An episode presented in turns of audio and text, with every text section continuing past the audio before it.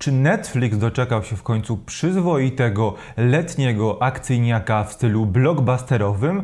Przyszedł czas, żeby porozmawiać sobie o filmie Project Power albo po polsku po prostu Power.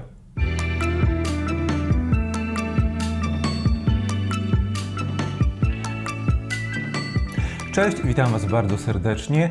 Z tej strony Kamil e, i Porozmawiamy sobie dzisiaj o najnowszym filmie akcji, najnowszym blockbusterze Netflixa, jakim jest Project Power, e, którego twórcami są Henry Just i Ariel Schulman. Jest to dość ciekawy koncept, bo film miał budżet w wysokości 85 milionów dolarów, e, a para reżyserów znana jest nielicznym. W ich dorobku chyba największym sukcesem albo też największym tytułem jest thriller z 2016 roku Werf z Emmą Roberts i Dave'em Franco który może Wam coś powiedzieć, ale nie jest to na pewno e, film tego typu, z którym mamy do czynienia teraz. No bo jakby nie patrzeć, w realiach, gdyby kina były otwarte, to taki film jak Project Power albo po polsku Power byłby traktowany w kategoriach letniego kina akcji, które osiągnąć ma wysoki zysk, jeśli chodzi o box office. No mamy tutaj Jamie'ego Foxa, mamy Josepha Gordona Luita,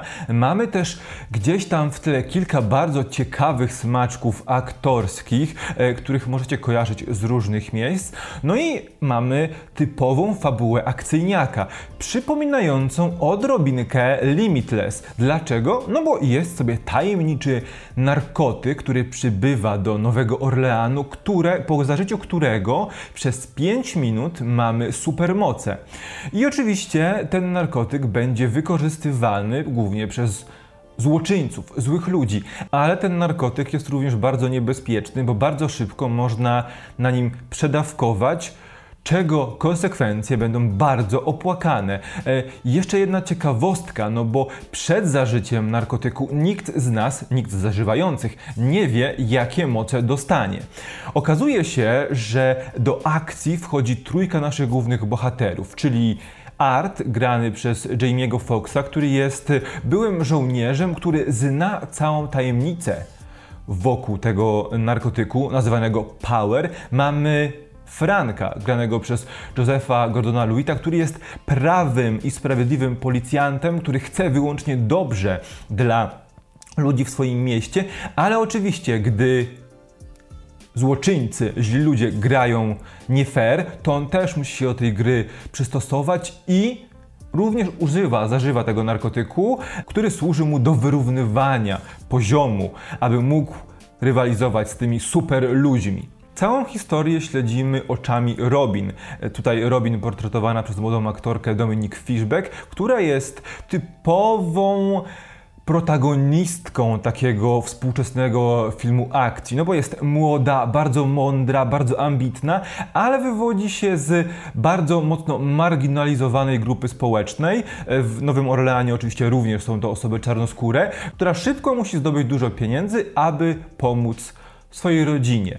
No i oczywiście wplątuje się w handel tym narkotykiem, który doprowadza do spotkania całej naszej trójki, e, która zawiązuje sztamę w pewnym momencie i próbuje pozbyć się tego nielegalnego narkotyku z ulic Nowego Orleanu, a jednocześnie wyeliminować całkowicie tych twórców, którzy oczywiście są powiązani z pewną organizacją rządową. Bardzo ciekawe jest to, że problemy, z którymi muszą mierzyć się nasi bohaterowie poprzez film, są problemami bardzo typowymi dla ich archetypów charakterów. Tu po raz pierwszy widzimy, że ten film bardzo mocno przypomina standardy filmów akcji, tych współczesnych filmów akcji. Jest bardzo mocno odrysowany od linijki, co jest zarówno jego wadą, jak i zaletą. Ważnym aspektem tego filmu jest również jego świat, bo jak już wspomniałem, akcja dzieje się w Nowym Orleanie, który ostatnio dostaje dużo miejsca w kinematografii, szczególnie tej streamingowej,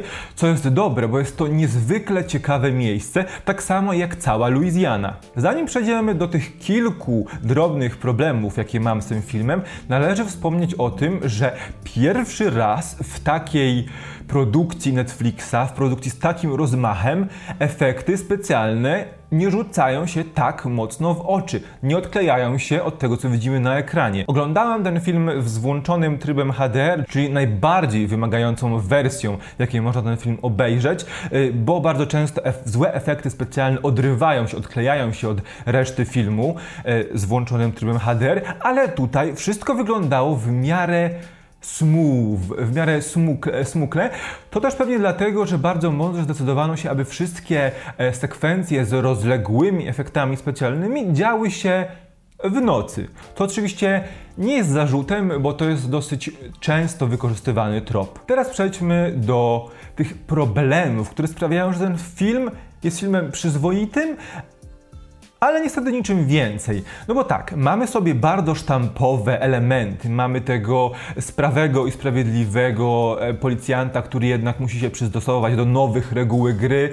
Mamy e, gościa z doświadczeniem, który jedyne co, co chce zrobić, to pokonać złych i odzyskać utracone, jak to bez spoilerów powiedzieć, utracone elementy swojego życia. Mamy też tego młodego outsidera, w tym przypadku młodą outsiderkę Robin, która tylko chce zarobić na życie, chce przeżyć, chce zadbać o to, aby jej przyszłość była lepsza i zostaje wplątana w bardzo szemrane interesy. Dzieje się tak samo w tym w tym filmie i przez długi czas ta, ta historia wygląda, że ma coś więcej. Wygląda jakby na, za moment nastąpił przełom, który sprawi, że powiemy wow, tego się nie spodziewaliśmy.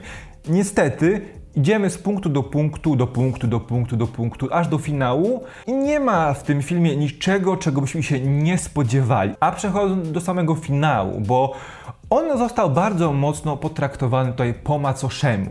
Mamy tutaj wszystkie elementy, które musiały się znaleźć, mamy wszystkie elementy, które powinny się znaleźć, ale niestety nie mamy niczego świeżego. Mamy typowe dla tych filmów rozwiązanie, mamy jakieś elementy, które mogą sugerować, że kiedyś, gdzieś, jak, jakoś może pojawić się sequel, ale nie mam tutaj niczego, co mogłoby sprawić, że powiemy wow. Mam nadzieję, że nie zrozumiecie mnie źle. Jest to film bardzo przeciętny, który jednak wybija się dosyć mocno na tle innych jemu podobnych, patrząc na ostatnie miesiące i patrząc na streamingi. No bo mieliśmy Six Underground. Mieliśmy ostatni skok w historii USA. To były filmy bardzo podobne, jednocześnie robiły wiele rzeczy o wiele gorzej niż Power.